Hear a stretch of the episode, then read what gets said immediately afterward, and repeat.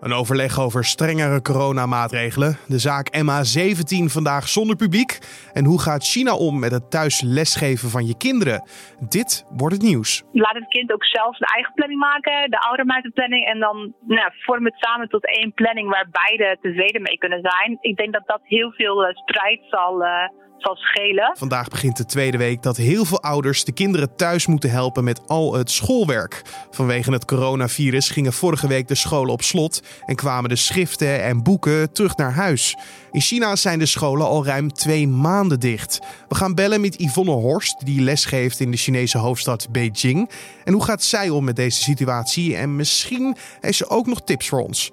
Maar eerst kijken we kort naar het belangrijkste nieuws van nu. Mijn naam is Carne van der Brink en het is vandaag maandag 23 maart. De Rotterdamse burgemeester Abu Taleb zou niet vreemd opkijken als in Nederland ook een contactverbod wordt opgelegd, zoals ook in Duitsland het geval is. Dat zei hij zondagavond in het televisieprogramma Nieuwsuur. In heel het land, maar ook in Rotterdam, hield niet iedereen zich zondag aan de adviezen van de overheid om buiten minstens anderhalf meter afstand van elkaar te houden. Dat beeld vond hij zorgwekkend. Volgens de burgervader is een vorm van nonchalance van het zal mij niet overkomen bij vooral jonge mensen die bijvoorbeeld in groepsverband aan het sporten zijn. Het is onzorgvuldig en ongedisciplineerd gedrag, aldus Abu Taleb. Filmproducent Harvey Weinstein, die onlangs werd veroordeeld tot 23 jaar celstraf, is besmet met het coronavirus. De 68-jarige Weinstein zit momenteel vast in de Wendon Correctional Facility in de staat New York. Nadat zondagochtend de test positief bleek te zijn, is Weinstein onmiddellijk in isolatie geplaatst. Weinstein heeft 23 jaar celstraf gekregen voor verkrachting en aanranding. De kans bestaat dat hij op den duur naar Los Angeles overgeplaatst gaat worden, omdat daar ook nog een rechtszaak tegen hem loopt. 1 op de drie inwoners van de Verenigde Staten moet thuisblijven om de verdere verspreiding van het coronavirus in te dammen. Op zondag hebben ook de staten Ohio, Louisiana en Delaware hun inwoners opgedragen om de straten niet op te gaan, waarmee inmiddels zo'n 101 miljoen Amerikanen te maken heeft gekregen met restricties. In heel de Verenigde Staten zijn inmiddels ruim 32.000 mensen geregistreerd die het coronavirus bij zich dragen en 414 mensen zijn overleden aan de gevolgen van het virus. De KNVB werkt aan een scenario waarin een deel van de resterende eredivisie-duels wordt geschrapt om zo het seizoen voor 30 juni af te kunnen ronden. Ook wedstrijden spelen zonder publiek is een optie. Alle sportwedstrijden in Nederland zijn vanwege het coronavirus tot en met 6 april verboden. Maar de kans is heel groot dat die grens nog verschoven wordt, al dus de KNVB. Er staan voor heel veel clubs nog negen duels op het programma. En doordat het EK voor dit jaar afgelast is, is er iets meer bewegingsruimte. Op 30 juni lopen veel contracten van spelers af. En daarvoor wil de KNVB alles hebben afgerond. En we blijven nog even bij sport, want diverse sportbonden hebben zondagavond verheugd gereageerd op het bericht van het IOC om op korte termijn duidelijkheid te geven over de Olympische Spelen en de Paralympics. Binnen vier weken wordt bekend of de evenementen worden uitgesteld vanwege het coronavirus. Gezondheid is veel belangrijker dan al het andere. Het is momenteel essentieel dat sporters thuis blijven om verdere verspreiding van dit verschrikkelijke virus te voorkomen. Al dus het Internationaal Paralympisch Comité. Canada heeft wel gezegd dat als alles doorgaat, zij niet mee zullen doen. Zij hopen namelijk dat het een jaar uitgesteld gaat worden. De Olympische Spelen en de Paralympics zouden dit jaar van juli tot augustus gehouden worden in Tokio. En dan over naar het gesprek van deze podcast. Het is maandag, een nieuwe week. En ook voor heel veel ouders en kinderen tijd voor weer heel veel nieuwe schoolopdrachten. Want de scholen zijn nu voor de tweede week gesloten door de coronacrisis. Hierdoor ligt de verantwoordelijkheid van een goede schoolontwikkeling op de schouders van de leerlingen zelf en hun ouders. Want meekijken en meedenken is voor heel veel papa's en mama's nu aan de orde van de dag. Sommigen gaan niet goed mee om en voor anderen komt het nu al de neus uit. Maar stel deze thuisscholingssituatie duurt al twee maanden. Dan heb je het namelijk over China, waar ze al voor een langere tijd op thuis of online moeten terugvallen. Yvonne Horst woont al ruim tien jaar in China en werkt momenteel in Beijing als docent. En ik vroeg haar hoe erg haar leven en werk veranderd is door het coronavirus. Best wel, Corné. Um, het leven is hier ondanks dat er geen complete lockdown is, toch best wel uh, tot een uh, totaalstop gekomen. Ik kan niet meer naar mijn werk. Uh, heel veel dingen zijn gesloten, zoals restaurants, cafés. heel veel andere winkels, de bioscoop. En mensen zijn de afgelopen twee maanden echt alleen maar binnen geweest. Maar het was geen complete lockdown. Kunnen we het vergelijken met zoals we die hier kennen in Nederland? Ja, ik denk dat je het daar wel goed mee kunt vergelijken. Mensen werden vooral, uh, werd vooral geadviseerd om binnen te blijven waar mogelijk. Er was minder openbaar vervoer, scholen gingen dicht. Je kon nog wel gewoon naar buiten, maar ja, er was niet zoveel te doen. Dus een beetje zoals in Nederland nu, ja. Ja, en scholen gingen dicht. Dat had voor jou grote gevolgen, want jij bent docent. Wat, wat voor lessen geef jij in Beijing? Ik werk in Beijing op een tweetalige school en ik geef daar uh, Engelse les. Dus ik, ja, de taal, lezen, schrijven, maar ook geschiedenis, aardrijkskunde, biologie. En uh, ja, ik geef een groep 4 les daar. Scholen zijn dicht, maar eh, de ontwikkeling van kinderen moet niet stil komen te liggen. Dus ik denk dat jij gewoon weer les mee gaat geven. Hoe zag dat eruit? Nu gaat alles online. Ik kan mijn leerlingen dus nu al uh, nou, zeven weken niet zien. Tenminste, niet uh, in mijn klaslokaal. Alles gaat via een uh, video, videobelprogramma. We gebruiken Zoom. En daarmee bellen ze naar mij. We hebben een afgesproken tijd waarop ze les hebben. En zo zie ik ze vier keer per week. Waarvan twee keer de hele groep bij elkaar, dus zo'n twintig leerlingen. En de overige twee keren zie ik ze in kleine groepjes van zo'n zeven tot acht leerlingen. En is dat een uitdaging om, om je lessen op afstand te moeten geven? Ja, ja, zeker de eerste twee, drie weken was het wel een grote uitdaging, omdat alles nieuw was voor mij, voor de ouders, voor de leerlingen. En nou, er waren continu veranderingen, want we waren op zoek naar de beste manier. Maar inmiddels is het wel uh, ja, bijna het nieuwe normaal en zijn, is iedereen gewend. Ik weet niet hoe dat in China was, maar in Nederland was er best wel wat discussie over het wel of niet sluiten van scholen. De overheid wou dat in eerste instantie niet, eh, maar door geleiden uit de samenleving gingen ze er toch overstag, kan je wel zeggen. Hoe was dat in China? Waren daar ook eh, discussies over dit onderwerp? Nee, voor zover ik weet was er uh, geen discussie. Is er geen discussie geweest. Het ging al heel snel um, dat het werd aangepast naar we gaan niet meer open na de vakantie. We hadden natuurlijk het uh, Chinees nieuwjaar net gehad. En in de tweede week daarvan, het werd wel steeds eigenlijk langzaam meer. In het begin tijdens het nou, we stellen het met twee weken uit. En na die twee weken uitstel werd het al voor onbepaalde tijd. Nou ja, en dat duurt dus nu al eventjes. En er is nog geen datum in zicht van wanneer we weer terug kunnen naar school. Jij geeft les aan kinderen uit groep 4. Dat zijn best wel jonge kinderen en leerlingen.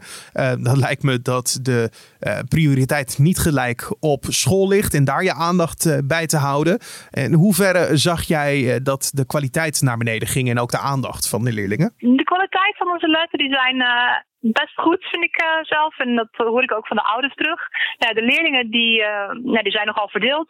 De ene die vindt het echt heel leuk en uh, ja, die is helemaal into online learningen, online leren. En ja, die maakt veel vooruitgang. Anderen die, ja, die vinden het wat minder. En zo gebeurt het wel eens dat er opeens of een hond of een kat ook naar de les komt. Of een zusje. Of um, ja, dat ze toch iets anders aan het doen zijn dan wat we willen.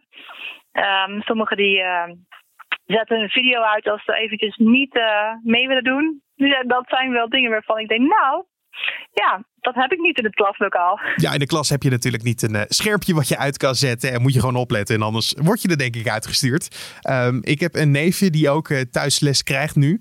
Uh, maar wij moeten echt voor hem alles uitzetten. Dus Netflix, YouTube, iPads, telefoons. En anders is hij te snel afgeleid. Er is natuurlijk wel een hoop waardoor kinderen nu in deze tijd afgeleid kunnen raken. Ja, ja dat is zeker niet makkelijk om, om je focus te houden. Dat merk ik zelf ook. Er is gewoon zoveel gebeurt er, ook al ben je binnen in je huis, er is zoveel om je heen wat je, kunt af, wat je kan afleiden.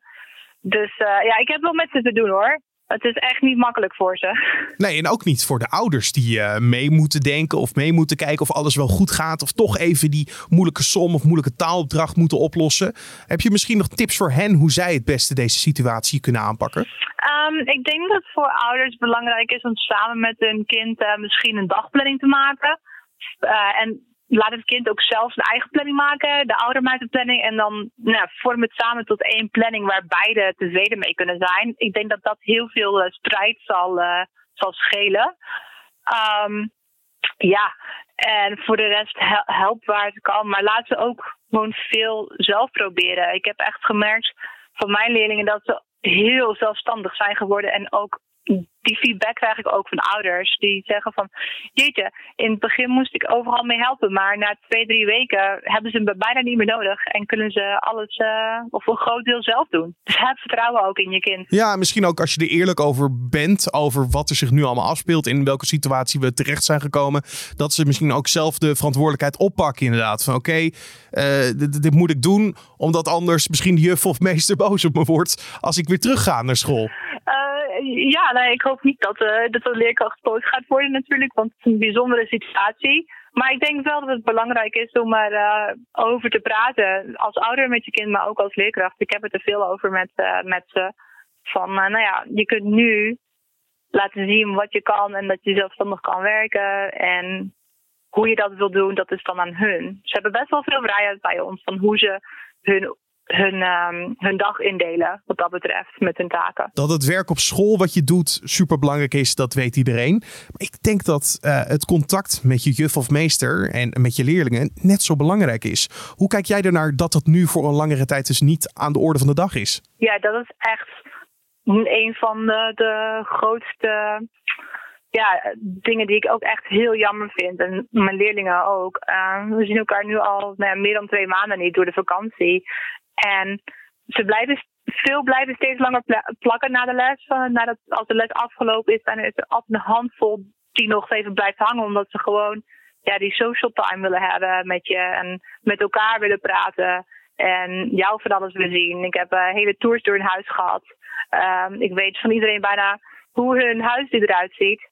Dus dat is denk ik ook heel belangrijk denk voor, voor de leerkrachten die er uh, mee te maken hebben. Dat, dat je die tijd aan je, tijd vrijmaakt om gewoon te kletsen met je leerlingen, zodat ze toch dat sociale contact hebben. We hopen met z'n allen dat het echt een tijdelijke situatie is. Uh, voor jou duurt de tijdelijke situatie al wat langer, uh, bijna twee maanden. Um, maar je weet niet wanneer je weer aan de slag mag, hè? Nee, nee we hebben nog geen uh, exacte begindatum. Er zijn wel al scholen in China die langzaamaan weer uh, open gaan en waar de leerlingen weer terug naar school kunnen. Maar voor Beijing ja, hebben we nog helemaal geen idee. Want vorige week hadden wij ook een uitzending gemaakt over hoe China er nu uitziet een aantal maanden na de corona-uitbraak. Um, toen hadden we eigenlijk als conclusie gemaakt dat China weer langzaam aan het opkrabbelen is en dat het leven weer begint daar. Um, wat merk jij ervan? Uh, krijgt het leven weer vorm? Ja, ik merk het ook hier in de stad. Um, ik ben gisteren even naar de winkel geweest, naar de supermarkt. En er waren echt alweer heel veel mensen op straat nu. Veel meer dan de afgelopen weken. Ik heb al een paar keer gezien dat uh, van de grote wegen, de centrale wegen door de stad, uh, s'avonds uh, al helemaal vol stond met auto's weer. Dus dat is alweer normaal. En nou ja, mijn leerlingen die hebben het er ook over. Ja, ik ga vanmiddag denk ik naar het park. En als het kan ga ik met hem en haar afspreken. Dus iedereen begint er langzaamaan wel weer meer naar buiten te gaan. Dat zijn hoopvolle berichten uit China. Laten we hopen dat dat in Nederland ook binnenkort weer gaat plaatsvinden. Maar even terugkomend op de tips die jij geeft aan ouders en de leerlingen en ook aan de docenten in kwestie. En als ik samen mag vatten, vergeet niet het contact met je leerlingen. En als ouders plan goed de dag in. Mag ik het zo vertalen? Ja, ik denk wel dat dat belangrijk is. En uh, hou, probeer gewoon een, normale dag aan te houden. Dus uh, ga opstaan op een normale tijd. Blijf niet de hele dag in je pyjama hangen. Daardoor heb je meer het gevoel dat je ja, gewoon echt dingen kunt doen en een beetje een normaal ritme aan kunt houden. Ik denk dat dat heel belangrijk is. En vanuit Beijing, China, hoorde je Yvonne Horst. En wil je nog meer tips of verhalen uit China van haar krijgen? Kijk dan op haar site goyvonne.com.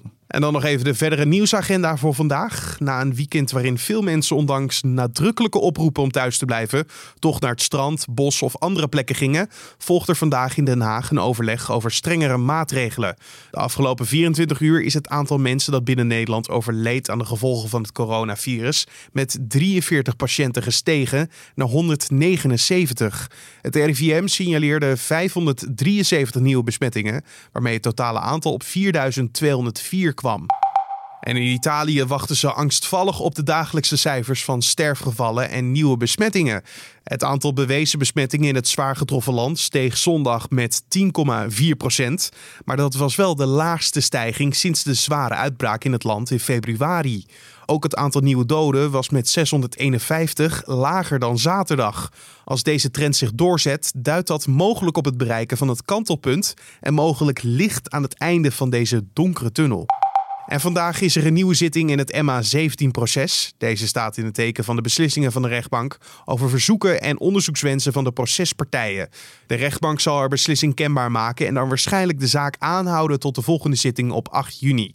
Bij de zitting van vandaag zal geen publiek aanwezig zijn. En dan het weer. Vandaag schijnt de zon weer volop, niet gehinderd door enige bewolking. Het blijft droog en de temperatuur ligt vanmiddag tussen de 8 en 10 graden. In de loop van de dag neemt de zuidoostwind voorzichtig iets af, maar het blijft in de wind toch wel erg fris voor het gevoel. En om af te sluiten nog even dit.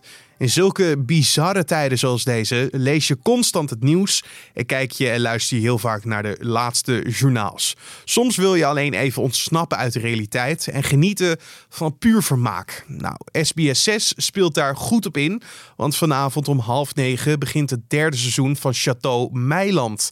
Na het winnen van de televisiering gaat het programma verder met een vakantie op Tenerife en uiteraard op het château in Frankrijk. Trek een fles wijn open of ga aan de kinderchampagne. En geniet in stijl van deze hysterische familie. Ach, dat snoer zit helemaal in elkaar. Nee, dat, ga- dat gaat niet in de knoop. Wel waar, dat zit toch in de knoop? Nee, dat is geen knoop. Dat is gewoon eh, heel goed snoer. Zit niet in de knoop, zegt ze dan. Nee, nou, gisteren was het ook zo. En dan doe je even, schud je even en is het uit elkaar. Maar is altijd als je iets wil laten zien met iemand erbij, dan wil het niet. En dit was dan de Dit wordt het nieuws podcast voor deze maandag 23 maart. Je vindt de podcast maandag tot en met vrijdag om 6 uur ochtends op de voorpagina van nu.nl en in de middag op nu.nl en in je favoriete podcast app. Mijn naam is Carne van de Brink. Heb je feedback voor ons? Stuur die dan op naar podcast@nu.nl, ons mailadres podcast@nu.nl of je kan een recensie achterlaten bij Apple Podcast. Voor nu wens ik je een hele mooie dag. Vanmiddag zijn we weer terug met de podcast en anders tot morgen.